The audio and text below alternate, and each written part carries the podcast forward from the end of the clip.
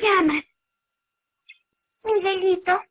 ¿Y qué haces ahí sentado, Miguelito? Pues, ¿estás esperando algo de la vida? Es absurdo, Miguelito.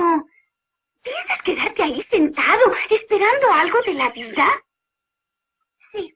Bueno, pero, ¿qué es lo que esperas de la vida? Pues, no lo sé. Todavía. No tengo pretensiones. Cualquier cosa que me dé la vida estará bien. Mm, ¡No,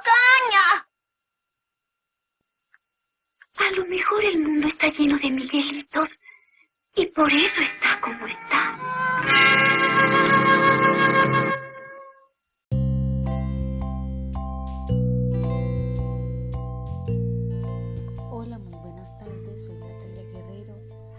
aprendí sobre el proyecto de vida, que sabemos que el proyecto de vida es el propósito en el que constantemente estamos soñando, creciendo y formándonos para nuestra construcción como personas, ya que estos objetivos y metas son importantes para definir y cambiar mis potenciales y limitaciones, para lograr diseñar mis aspiraciones y alcanzar los objetivos, sea por un largo o corto plazo.